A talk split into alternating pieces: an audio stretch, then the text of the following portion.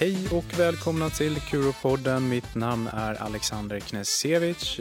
Jag är sjuksköterska, pappa och grundare av två bolag som jobbar med digitalisering i vården.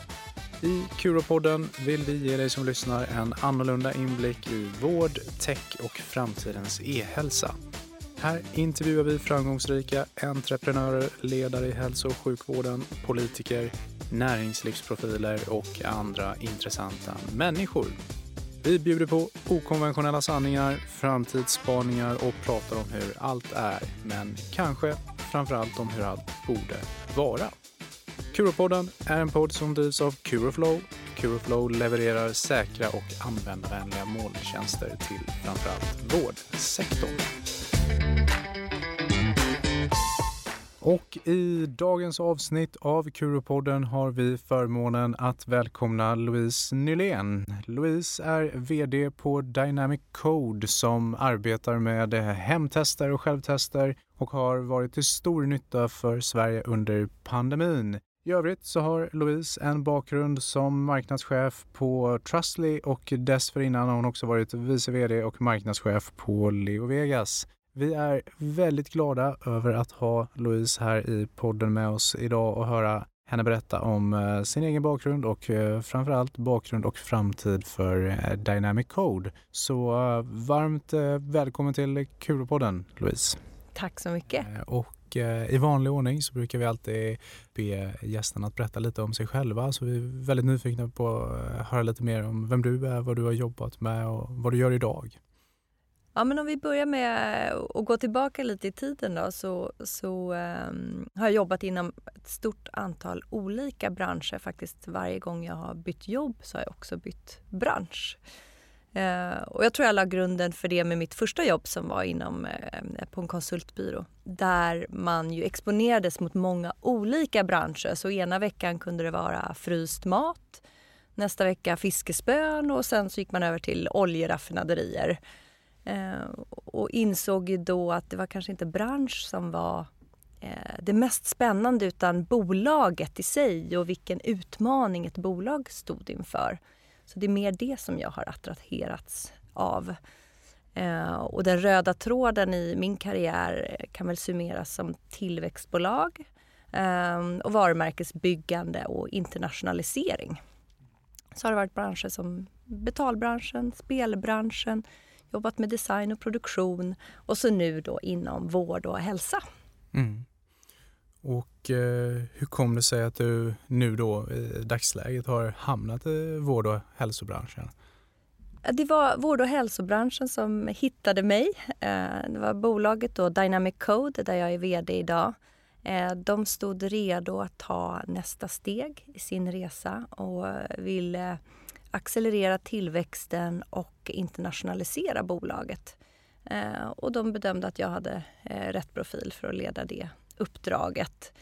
Eh, och då var jag, hade jag ett annat jättespännande jobb och där jag trivdes jättebra hade varit ganska kort.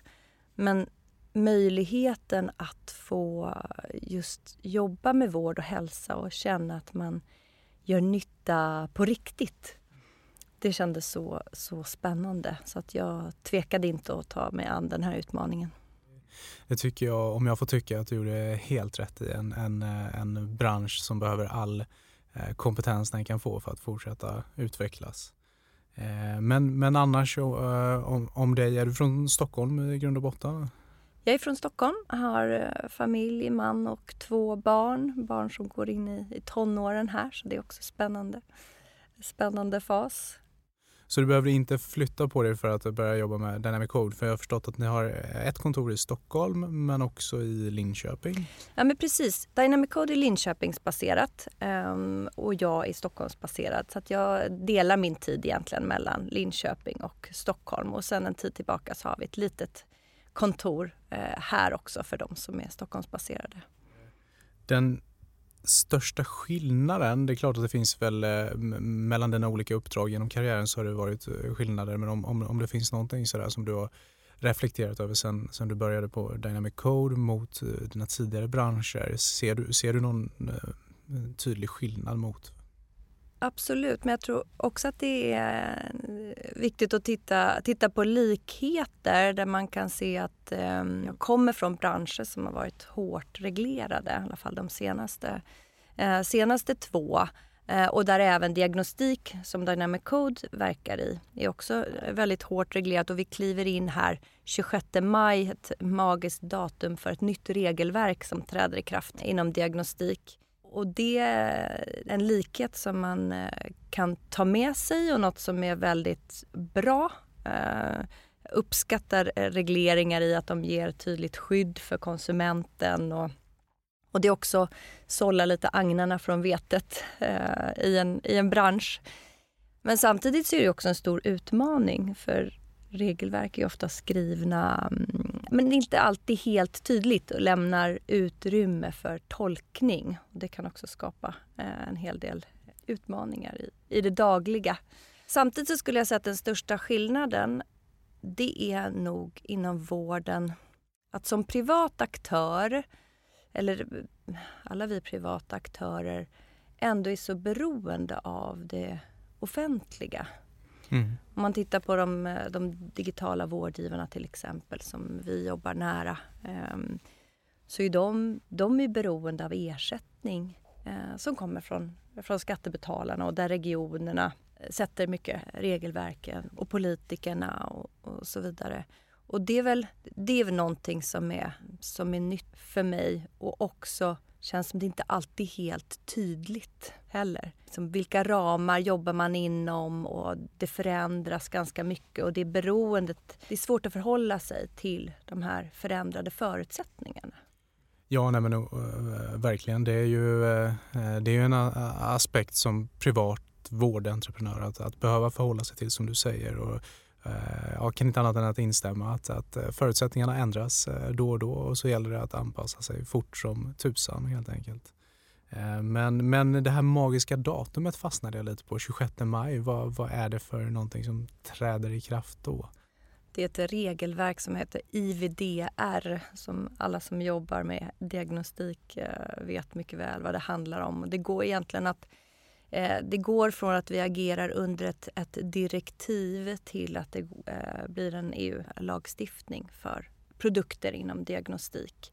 Vilket är jättebra återigen för att det blir svårare att verka och det måste vara högre kvalitet på allt man gör. Men det är också utmanande just i många tolkningar och alla man pratar med sliter sitt hår omkring, eh, omkring det här för att det är fortfarande mycket som är, är oklart när det är någonting nytt som träder i kraft.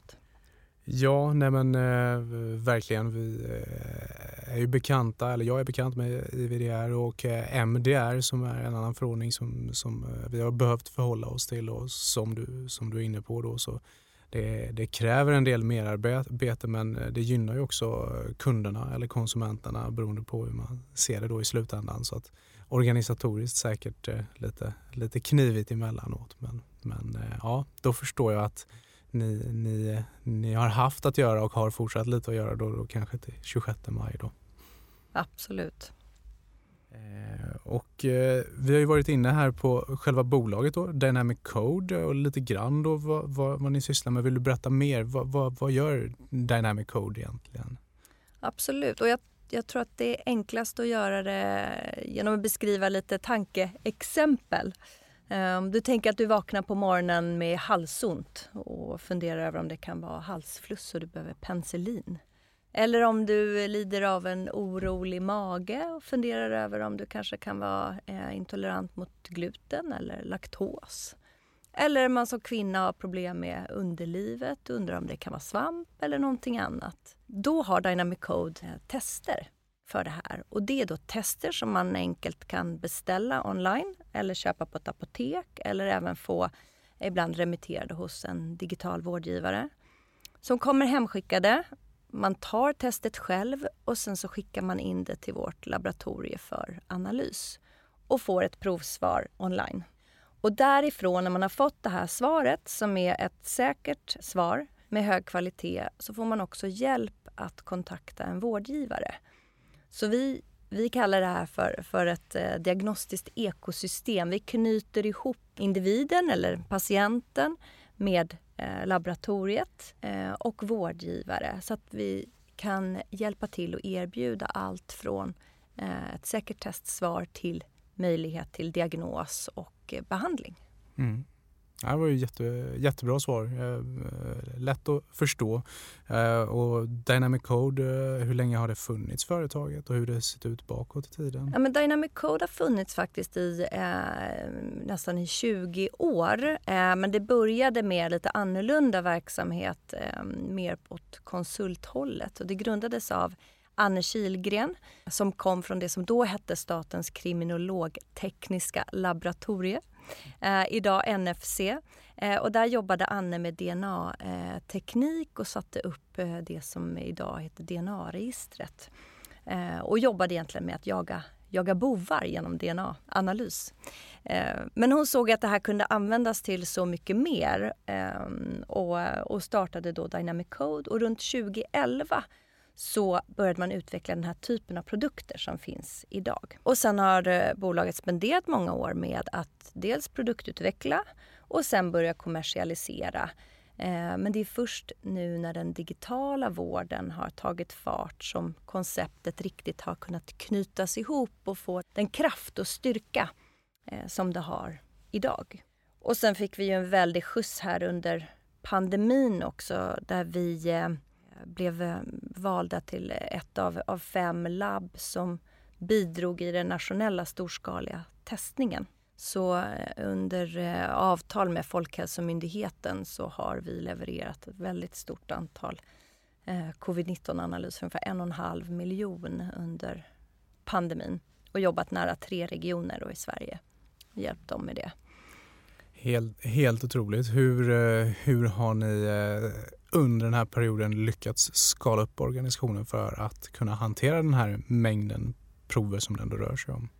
Ja, det, det är en bra fråga och vi kan nästan fråga oss det själva. Det har varit ett, ett fantastiskt gäng som har gett allt eh, för att leverera på det här.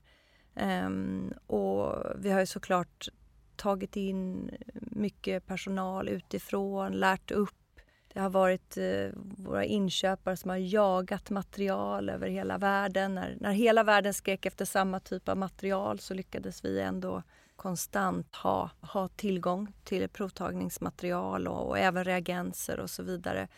Eh, och svårt att säga hur, men jag tror att mycket ligger i kulturen. I det entreprenöriella och viljan att vara med och, och göra skillnad och leverera.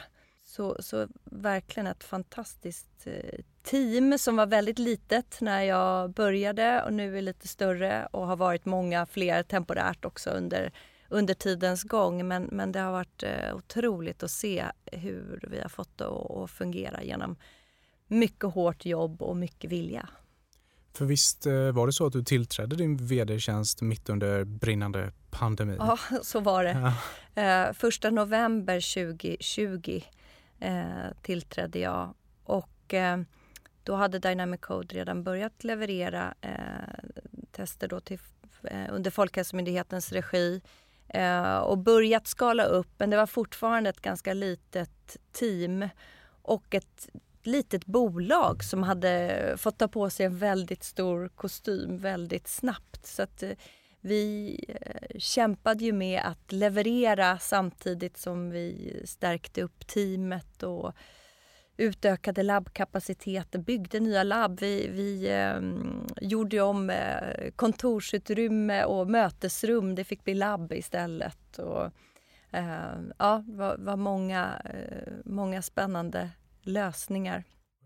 Hur var det för dig att komma in eh, på det sättet? Jag jag gissar att det var rätt in i hetluften då i princip. Ja, det, det kan man ju verkligen säga. Och det fanns ju inte mycket tid till någon introduktion eller, eller så.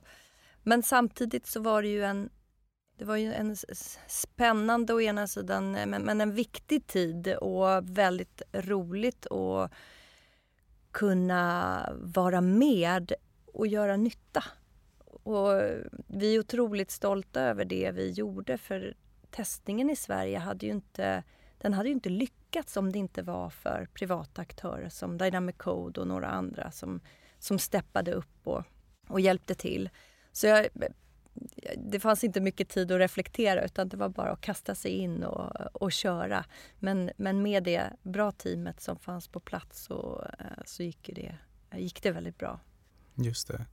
Jag har fått höra av eh, min styrelse eh, lite på skoj och lite på allvar någon gång att 40 timmars veckor det gäller inte mig då så jag antar att under den här perioden kanske du inte heller arbetade 40 timmars veckor. Nej, det var nog ingen som, som gjorde det. Um, och um, ja, jag tror alla som har varit inblandade och, som vårdpersonal och labbpersonal och så under pandemin har ju eh, Eh, jobbat extremt mycket. Ehm, och, ehm, jag hoppas att alla har fått möjlighet till lite återhämtning nu när, eh, när nivån av, av smittspridning är ja, kanske inte nödvändigtvis så, så eh, mycket lägre men, men viruset just nu i alla fall är ju mildare. Och nu kommer du in då eh, efter dess att uh, Dynamic Code och Folkhälsomyndigheten hade slutit avtal men vet du hur det gick till när det faktiskt blev så att, att man eh, fick leverera på uppdrag av Folkhälsomyndigheten? Ja, men eh, Dynamic Code tog ju tidigt, tidigt kontakt med Folkhälsomyndigheten och erbjöd sin hjälp. Så det fördes en dialog där tidigt. Sen fanns det ju eh, många olika överväganden politiskt och, och så vidare. Och, och, vi har ju eh, hört så här i efterhand att det var väldigt svårt att ta, ta de besluten. Så det, det, det dröjde ju innan det här avtalet eh, kom på plats. Men i juni i alla fall så, eh, så slöt de ett avtal. Sen var det en upphandling eh, i eh, november, eh, ja, precis när jag hade börjat då, eh, för eh, 2021 års testning. Så då var jag ju med eh, i den, i den upphandlingen. Så då var det ju mer strukturerat men det hann de ju inte med där i början av utan då slöt de ju avtal med eh, jag tror egentligen alla de labb som sen gick in i upphandlingen och också eh, blev tilldelade uppdraget. Så vi var ju fem stycken olika labb som har eh, levererat eh, på den nationella storskaliga testningen. Ja, verkligen en eh, beundransvärd insats och till, till stor nytta för, för, för samhället. Vi har ju tidigare suttit här och pratat med Alex Stendahl på Info Solutions eh, som ni säkert har varit i kontakt med eh, på ett eller annat sätt. Och de var också med och hjälpte till under pandemin så att eh, precis som du var inne på så är det ju ja, det hade varit svårt att, att klara den testningen som behövdes utan de privata, privata företagarnas hjälp då under pandemin. Så att, ja, verkligen imponerande. Eh, och, och, lite vidare då på, på ordet imponerande så, så, eh, innan du blev vd så var det ju då Ann som var vd och grundare av Dynamic Code. Hur, hur, hur känns det, eller kändes det kanske att, att efterträda Ann eh, i, i rollen då som hon har varit där så länge och så? Det är klart att det är ju stora skor att fylla när man eh, efterträder en, en grundare. Eh, nu är det här min första vd-roll så jag har inget annat tillträde att, att jämföra med. Men eh, jag tycker att det har fungerat eh, väldigt bra. Och jag tror att det mycket handlar om att jag och Anne kompletterar varandra väldigt väl. Vi har helt olika bakgrunder ehm, och båda är viktiga för bolaget. Ehm, och där, där kan vi jobba, jobba tillsammans och, och komplettera eh, varandra. Sen är vi ju eh, absolut inte överens om, om alla, i alla frågor. Men det ser jag också som en styrka och då, då tvingas man ju att eh, stöta och blöta och tänka en extra gång eh, och sådär innan man eh, eh innan man tar beslut. Ehm, men det är ju också eh, en, en ynnest att få jobba med eh, en entreprenör eh, som Anne. Mm. Som, som är baserat på den, eh, den erfarenhet som jag nämnde tidigare har eh, dragit igång det här och skapat det här eh, konceptet. Vilket är eh, jättespännande och har framtiden för sig. Och vad gör Anne på Dynamic Code idag? Jobbar hon med strategisk utveckling? Eller vad? Ja, men idag, eh, Anne sitter i styrelsen, styrelsen. Eh, och är ju ägare eh, men eh, agerar i mångt och mycket som en, som en advisor till bolaget inom frågor som produktutveckling och jobbar en del med public affairs och opinionsbildning. Och sådär. Och vi har ju en del ehm, förhoppningsfulla och lyckade och framgångsrika entreprenörer som, som lyssnar på podden. Och eh, det är alltid kul att höra eh, när man sitter med eh, en, en duktig ledare som du och höra vad du tycker är viktigt för, för en vd i ett, ett snabbväxande bolag att fokusera på. Vad, finns det en eller ett par saker som är viktiga att tänka på sådär? Det, det, hör man ju i, i namnet snabbväxande. Det måste gå snabbt. Och för att det ska kunna gå snabbt så behöver man ju ha en, en kultur och en struktur som tillåter tempo.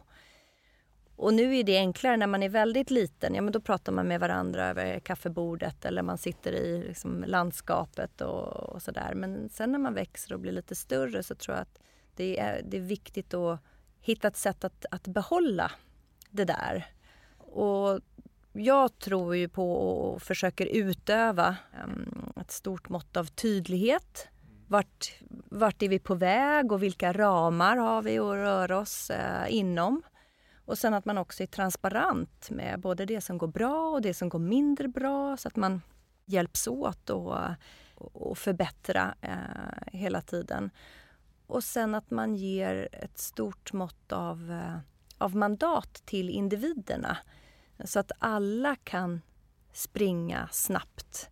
Man har liksom inte tid att någon ska fråga sin chef som sen ska fråga sin chef och sen så ska, det, eh, ska svaret gå ett antal nivåer neråt. Utan alla måste kunna agera mm. i vardagen. Eh, sen tror jag också på att som ledare i ett tillväxtbolag att man behöver vara ganska nära verksamheten. Man kan inte sitta i något hörnrum och, och chefa. Eh, och vara nära, både absolut inte i detaljerna, det tror jag aldrig en, en eh, ledare ska vara, men, men nära både fysiskt, att man är liksom, träffar sina kollegor och, och är runt och, eh, och sådär. Men också lyssnar in och lyssnar av och, och har en, en kontinuerlig dialog. För det är också det när det ska gå snabbt. Då har man inte tid för konflikter eller, eh, eller sånt utan man måste liksom fånga upp det där och, och eh, lösa det eh, snabbt helt enkelt. Och sen tror jag också att man behöver vara snabb och relativt prestigelös i, i beslutsfattande. När det går snabbt, det kommer bli fel. Eh, på vägen. Och då får man bara vara beredd att omvärdera och ta nya beslut.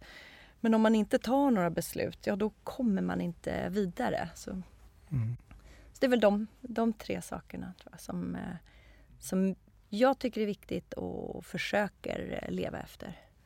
Nej, men eh, kloka åsikter onekligen. Och I det här ledarskapet och, i, och genom pandemin så eh, fick ju Dynamic Code vad vi eh, kanske i, vad ska vi kalla techvärlden kopplat till investeringar skulle kunna kalla för en hockeyklubbeffekt på omsättningen.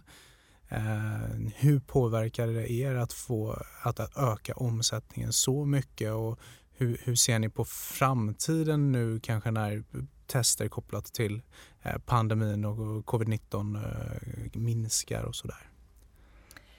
Ja, men vi har varit inne på det här att det, vad, vad det handlade om att skala upp och, och leverera och sådär. Och sen så har ju de här intäkterna har också inneburit eh, att vi har gjort eh, stora vinster. Så nu har vi en, en välfylld kassa som vi kommer använda till att investera i det som vi kallar vår kärnverksamhet.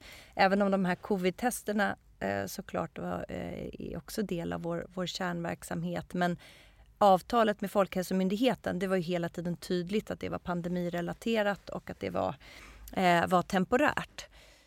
Så det eh, vi nu har möjlighet att göra är ju att, att eh, investera pengar i att bygga eh, då distributionen av vår eh, övriga produktportfölj och även eh, marknadsföra och, och driva eh, tillväxten av, av den. Mm. Och satsar ni på andra marknader än Sverige? Ja, idag finns vi i Sverige, Norge och Danmark eh, och det finns ju mycket kvar att göra på de marknaderna. Men vi är också eh, i eh, uppstarten kan man väl säga i UK eh, där vi har ett antal avtal men vi håller också på och bygger eh, ett eget labb eh, där i UK. Och nästa marknad som vi eh, tittar på är också Tyskland. Vi ser ju att pandemin eh, har ju, var ju egentligen en, en kickstart till eh, en ökad eh, kännedom av det här konceptet som vi, eh, som vi erbjuder, det vill säga självprovtagning eller diagnostik på distans. Att du ska inte behöva gå till en vårdcentral eh, nödvändigtvis för att testa dig utan mycket kan du göra eh, själv. Så det, det kom ju eh, som sagt en, en, en, kickstart i den liksom, kännedomen och beteendeförändringen i och med pandemin. Men det är ju fortfarande mycket kvar innan det här är en naturlig del i, i vården. Men vi, vi tror att det är viktigt att fånga ändå det här momentumet, att det är mycket här och nu som vi behöver positionera oss och etablera oss för att, att, ehm, att fånga möjligheterna som kommer, som kommer här nu, både i närtid och, och lite längre fram. Just det. Och på konkurrenssidan, hur ser det ut? Har ni några stora konkurrenter i Sverige som gör samma sak eller är ni ganska ensamma om, om det ni tillhandahåller marknaden? Men jag skulle säga att det finns eh, ett antal bolag som erbjuder olika typer av tester. Och det kan vara både den typen som vi erbjuder, det vill säga självprovtagning med laboratorieanalys. Eh, och det kan också vara sånt som kallas för hemtester eller självtester, sånt som du tar hemma och också får svaret hemma. Du droppar på så är det någon, blir det streck eller någon färg eller sådär. Men det som skiljer oss åt det är kvaliteten på våra tester. Det vill säga våra tester har samma kvalitet som det som du skulle ta i vården. Mm. Säga, har du ett testsvar från Dynamic Code så kan en läkare agera på det testsvaret och som jag nämnde tidigare, det är ju del av vårt koncept också. Även om vi inte har egna läkare så jobbar vi nära de digitala vårdgivarna eh, och slussar våra kunder då, när de har fått ett positivt testsvar så slussar vi vidare dem till en digital vårdgivare om man vill ha hjälp. Och det här, eh, kvaliteten på testerna och även hela den här kundresan, hur vi knyter ihop det eh, med, eh, med både den enkla beställningen online eh, och att man i slutändan får hjälp av en, av en läkare. Där är vi, är vi unika. Och man kan till och med se på många av våra, eller om man kallar dem då våra konkurrenter eller all, andra bolag som, som också erbjuder tester, så skriver de tydligt på sina sajter att det inte får användas för, eh, ja, för diagnostic use. Eh, så de friskriver sig från, eh, från att man faktiskt verkligen kan agera på testerna. Och det är något som är hela affärsidén eh, för Dynamic Code. Vi vill erbjuda meningsfulla tester. Det vill säga någonting som du kan agera på om du har ett test som säger att du eventuellt är glutenintolerant, vad ska du göra med den informationen? Vi vill kunna säga att ja, men baserat på det här testet så, så är du glutenintolerant eller du har klamydia eller vi kan med säkerhet säga att det finns ett, ett virus, en bakterie eller en svamp i, eh, i det här provsvaret som då en läkare sen kan använda för att ställa diagnos. Ja, nej men, eh, mycket användbart och du säger att eh, ni då i efterförloppet då när patienten eller eh, får sitt svar så kan ni koppla ihop dem med digitala vårdgivare. Mm. Eh, nu sitter jag här nästan och spånar men skulle det inte vara bra även för eh, vilken vårdcentral som helst att vara ansluten till det här ekosystemet för att kunna hjälpa de eh, patienter som är listade hos dem då som har tagit de här testerna som Dynamic Code tillhandahåller.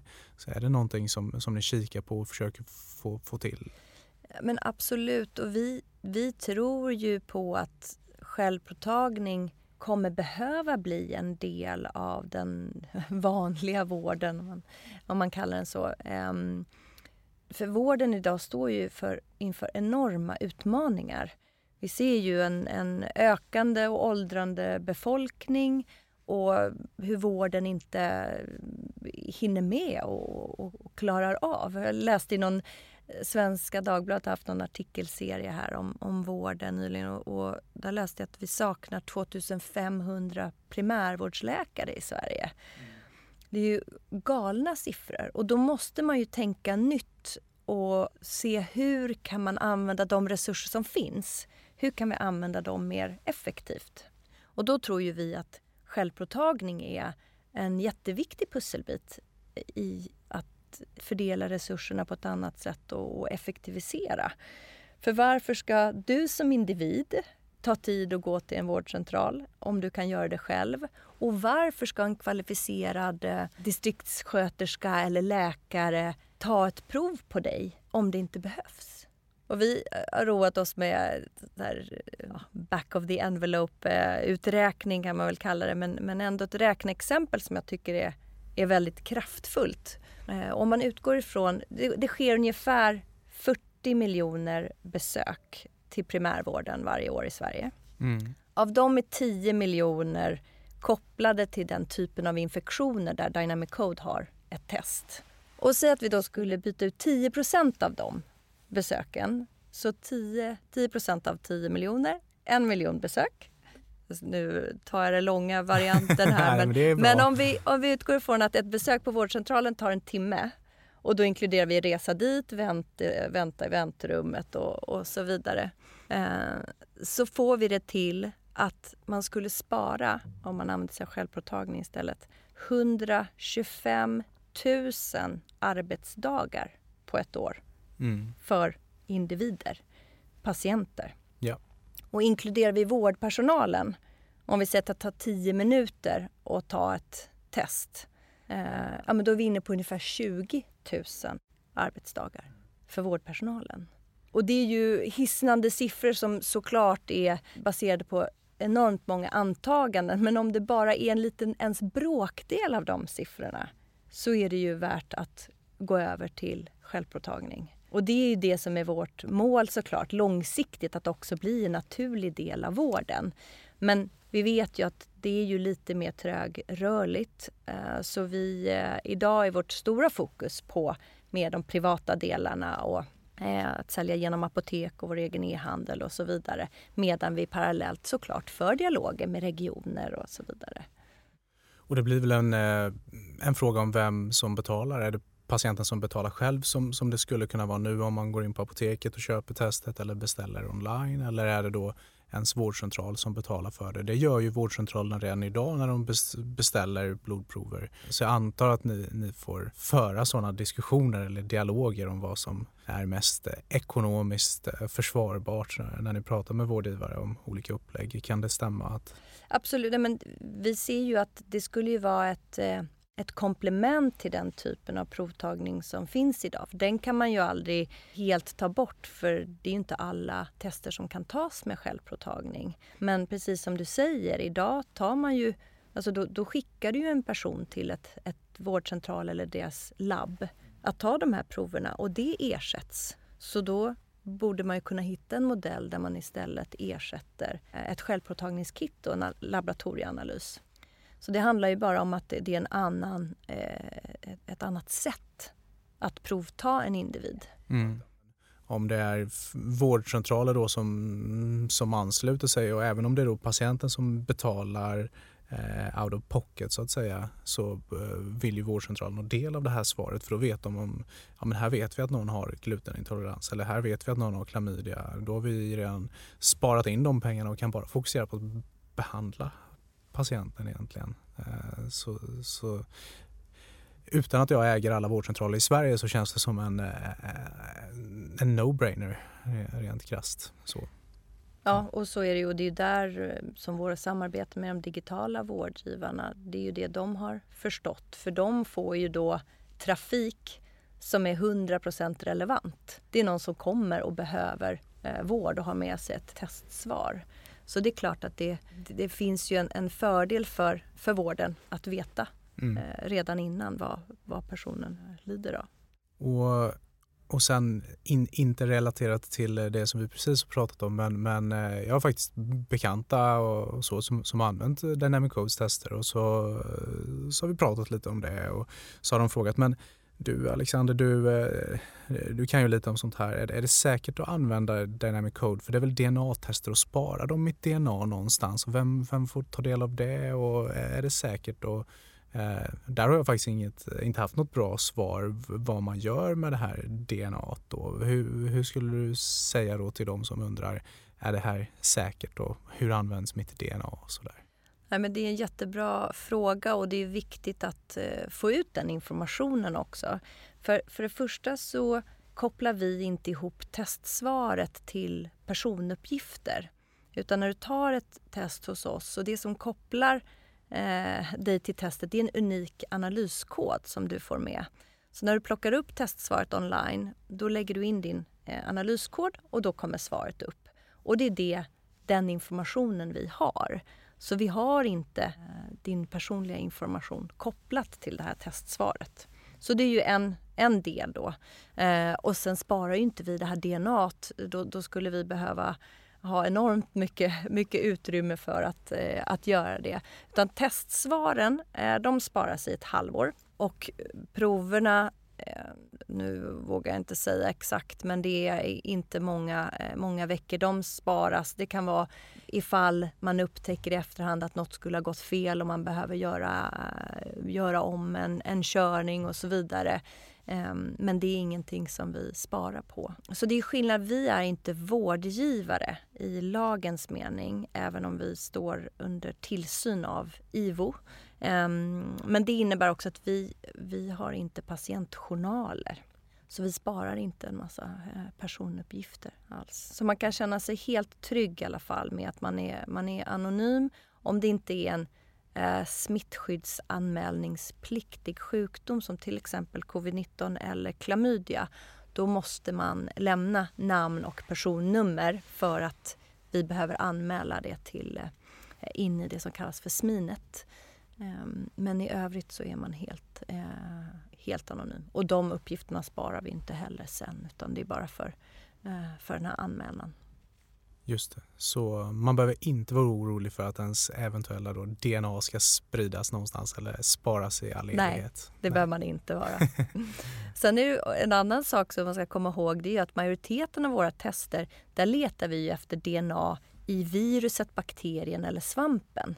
Det är inte ditt mänskliga DNA som säger om du har klamydia eller halsfluss utan det är att vi letar efter DNA i viruset, bakterien eller svampen. Och det är det tror jag många glömmer mm. också. Ja, men det var en uh, viktig poäng.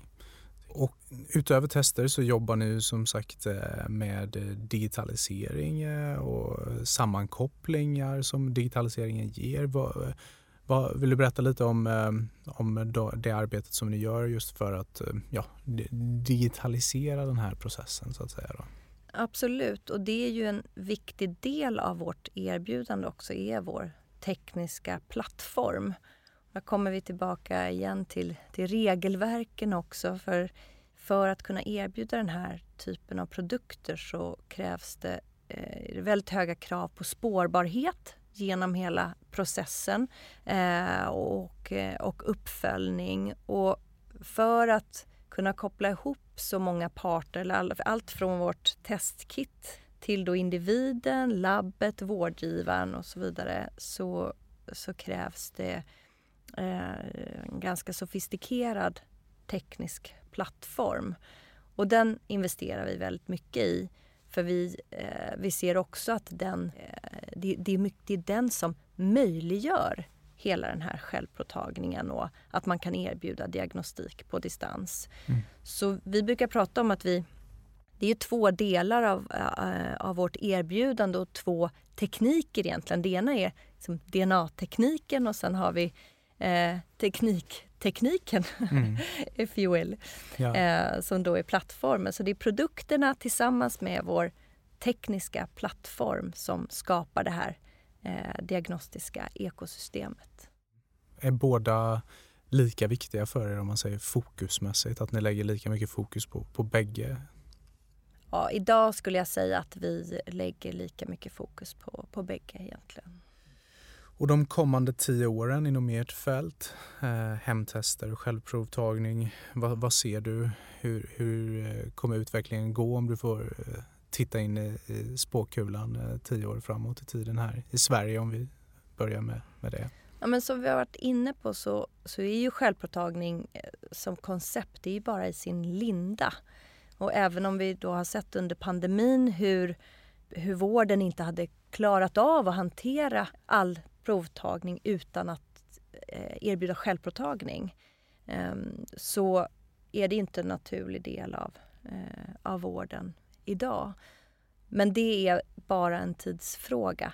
Ehm, så att de närmsta åren kommer ju präglas av stor uppskalning och tillväxt för att möta det skiftet i, eh, i hur, ehm, hur diagnostik ehm, används. Så det, det kommer vara, vara fortsatt mycket att göra här eh, framåt, absolut, för att och möta det behovet och också anpassa sig till marknaden. För vi har ju, vi har ju byggt vårt koncept på, eh, på ett sätt eh, och med en tro om, eh, om behoven. Men vi vet ju också att det kommer ju skifta och det kommer finnas olika sätt att använda sig av den här eh, tekniken och det här konceptet framåt. Så vi kommer ju behöva fortsätta utveckla oss och, och anpassa oss till de behov som finns på marknaden. Ja, intressant. Eh, Dynamic Code har ju varit ett företag som, eh, som det har skrivits mycket om. Positivt kan ju tilläggas. Eh, hur har det varit? Har du någon reflektion över hur det har varit att vara ja, lite i strålkastarljuset sista par åren här då om man säger medialt eh, då den uppmärksamheten som ni har fått eh, och hur det har påverkat er om det bara varit positivt eller om det finns eventuella baksidor eller så som du upplever? Nej, men jag skulle vilja säga att det har varit positivt för bolaget och återigen för, för konceptet självprovtagning. Det är ju fortfarande, även om majoriteten av den vuxna befolkningen har provat på självprovtagning här under pandemin, så är det ju fortfarande inte del av vår naturliga, eller av, av vår vardag. Så all uppmärksamhet vi kan få, där vi kan få ut ordet eh, omkring självprovtagning och vilka fördelar det har. Både för individen som vi har pratat om, man behöver inte gå till en vårdcentral nödvändigtvis. Eh, men även för eh, vilken fördel det kan ha för, för vården så är det otroligt värdefullt för oss. Och vi, eh, vi brukar prata om det nya vårdlandskapet som växer fram där vi ser då de digitala vårdgivarna, aktörer som eh, oss själva, även hur apoteken tar en mycket större roll eh, inom vården. Och det här behöver vi ju prata om för att också driva utvecklingen framåt. Så, eh, så det har varit väldigt positivt tycker jag att vi har, har fått möjligheten att, eh, att höras i media och, och prata om, eh, om det värdefulla koncept som vi har att erbjuda. Mm, mm lite anledning till varför vi kom in på det var ju för att inte så, för inte så länge sedan här så blev det ju lite av ett ramaskri ändå när ett par eh, kända techprofiler i Stockholm tyckte då att det skulle finnas något liknande, en gla Glassdoor eh, för journalister och sådär. Men eh, det är ingenting som ni har upplevt att ni har blivit ja, väldigt feltolkade eller liknande i situationer med media. Inte hittills i alla fall, men eh, det, det, kommer, eh, det kommer säkert. Men jag tycker det är viktigt, eh, alltså media fyller en väldigt viktig roll i att granska eh, ja, men, privata bolag som politiker, som, som sig själva och, och sådär. Så att jag håller nog inte med om den där Glassdoor-förslaget utan jag tycker media spelar en, en jätteviktig roll och jag upplever att vi har haft en bra dialog med media där de har tagit sig tid att förstå. Mm. men det är klart att det, eh, det kan ju ske att man blir, eh, blir missförstådd eller att de lyfter en vinkel man inte vill att de ska lyfta. Men det är ju del av det hela. Ja, men superspännande. Jag, jag, känner att vi skulle kunna fortsätta prata ett, ett tag till här men eh, eh, vi börjar trots allt den här gången i alla fall närma oss eh, lite grann slutet och eh, då har vi eh, några frågor kvar som vi ofta ställer och den första som eh, vi skulle vilja veta om, om du fick eh, lyssna på en person som skulle sitta i, i, i din eh, stol här, vem, vem tycker du att vi ska bjuda in här i podden i framtiden? Ja, men jag tycker det vore spännande att höra Lena Hallengren. Ehm, och vi har varit inne lite på det tidigare med liksom vad, vad politiken kan göra för, för vården. Mm. jag läste ett, ett citat eh, av henne här nyligen där hon skrev att eh, ja, men nu är vårdpersonalen, de har eh, gjort ett fantastiskt jobb och burit oss igenom pandemin. Och nu ska de få goda förutsättningar att beta av vårdskulden som ligger. Um, jag tycker det vore spännande att höra hur uh, hon ser att det ska göras um, och hur också de ser på samarbetet mellan privat och offentligt. För jag upplever att man ofta hamnar i, i eh, ehm, polariserade diskussioner där det är för eller emot digital vård eller det är liksom för eller emot privata aktörer. Jag tror att det är mer intressant att approchera det med en nyfikenhet. Hur kan vi gemensamt mm. göra någonting? Hur kan vi utnyttja det privata och alla de liksom, innovationer och det entreprenörskap som finns och för att faktiskt lösa utmaningar i vården? Så det skulle jag vilja höra hennes, eh, hennes take på. Ja, men det, det, skriver vi under på och eh, lägger till här då att alla som, som lyssnar på podden som råkar känna Lena Hallengren, se till att bjuda in henne i podden här. Det skulle vara mycket roligt. Frågan är dock, ska vi, ska vi lyssna på henne före eller efter valet i höst? Ja. ja. Mm, vi får se när hon har tid att komma. Exakt. Eh, och sen då lite eh, personligt eh, för dig. Eh, det skulle vara jättekul att höra vad, vad ser du som eh, framgång för dig? Ja, men jag ser det nog så, så enkelt som att när man, när man uppnår ett mål, och det behöver inte vara ett jättestort mål alltid. Jag tror det är viktigt då klappa sig själv på axeln lite då och då och fira lite framgångar även om det är mindre, eh, mindre saker. Ehm, och att, att definiera framgång för sig själv och de mål man själv sätter upp än kanske vad andra sätter upp som framgång. För då tror jag att det blir så stort så att det är svårt att nå. Och det är inget kul. Man vill ju känna lite framgång lite då och då. Onekligen. Är det både privat och eh, på jobbet då man kan sätta upp de här målen? Ja, det tycker jag absolut. Och om det fanns, om du fick titta tillbaka på karriär eller privatliv, finns det någonting som du känner att eh, det här hade jag velat göra annorlunda eller ha ogjort till och med? Ja, men det är ju en jättesvår fråga och generellt försöker jag eh, leva efter att man ångrar inte det man gör utan det man inte gjorde och det jag inte har gjort då. Jag, jag, jag, tror i så fall att jag skulle lyfta något och det är ganska många år sedan men när man hamnar i en situation på ett jobb där man inte kanske inte trivs eller man känner att man har, har fel chef eller snarare man är fel för chefen, man går inte ihop. Att jag hade kanske lämnat tidigare. Mm. Um, tror uh, säkert det är många som kan skriva under på det att man vill så gärna att det ska fungera och så kämpar man på. När det kan vara så att man uh, kanske måste inse ibland att man, man fungerar inte i alla sammanhang eller med alla människor och sådär och, och, och då gör man sig bättre någon annanstans. Mm. Ja, nej men eh, verkligen. Eh, ångra det man inte gjorde men inte det man gjorde. Mm. Ja. ja. och slutligen, eh, nu har vi ju åtminstone satt pandemin på paus här i alla fall under sommaren förhoppningsvis 2022.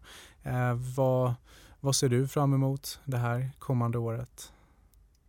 Ja, men jag brinner verkligen för det eh, vi gör på Dynamic Code. Så att jag ser jättemycket fram emot att få fortsätta driva det här skiftet mot självpåtagning eh, Ehm, och se dag för dag och bit för bit hur vi kan skapa värde både för individer och, och för vården och i och med det för, för hela samhället. Så, så på ett professionellt plan så, eh, så ser jag fram emot att fortsätta den och vara del av den resan. Sen rent privat så eh, nu, nu när våren kommer så inser man ju vad man har saknat eh, ljuset och vad härligt det är när fåglarna börjar kvittra igen och sådär.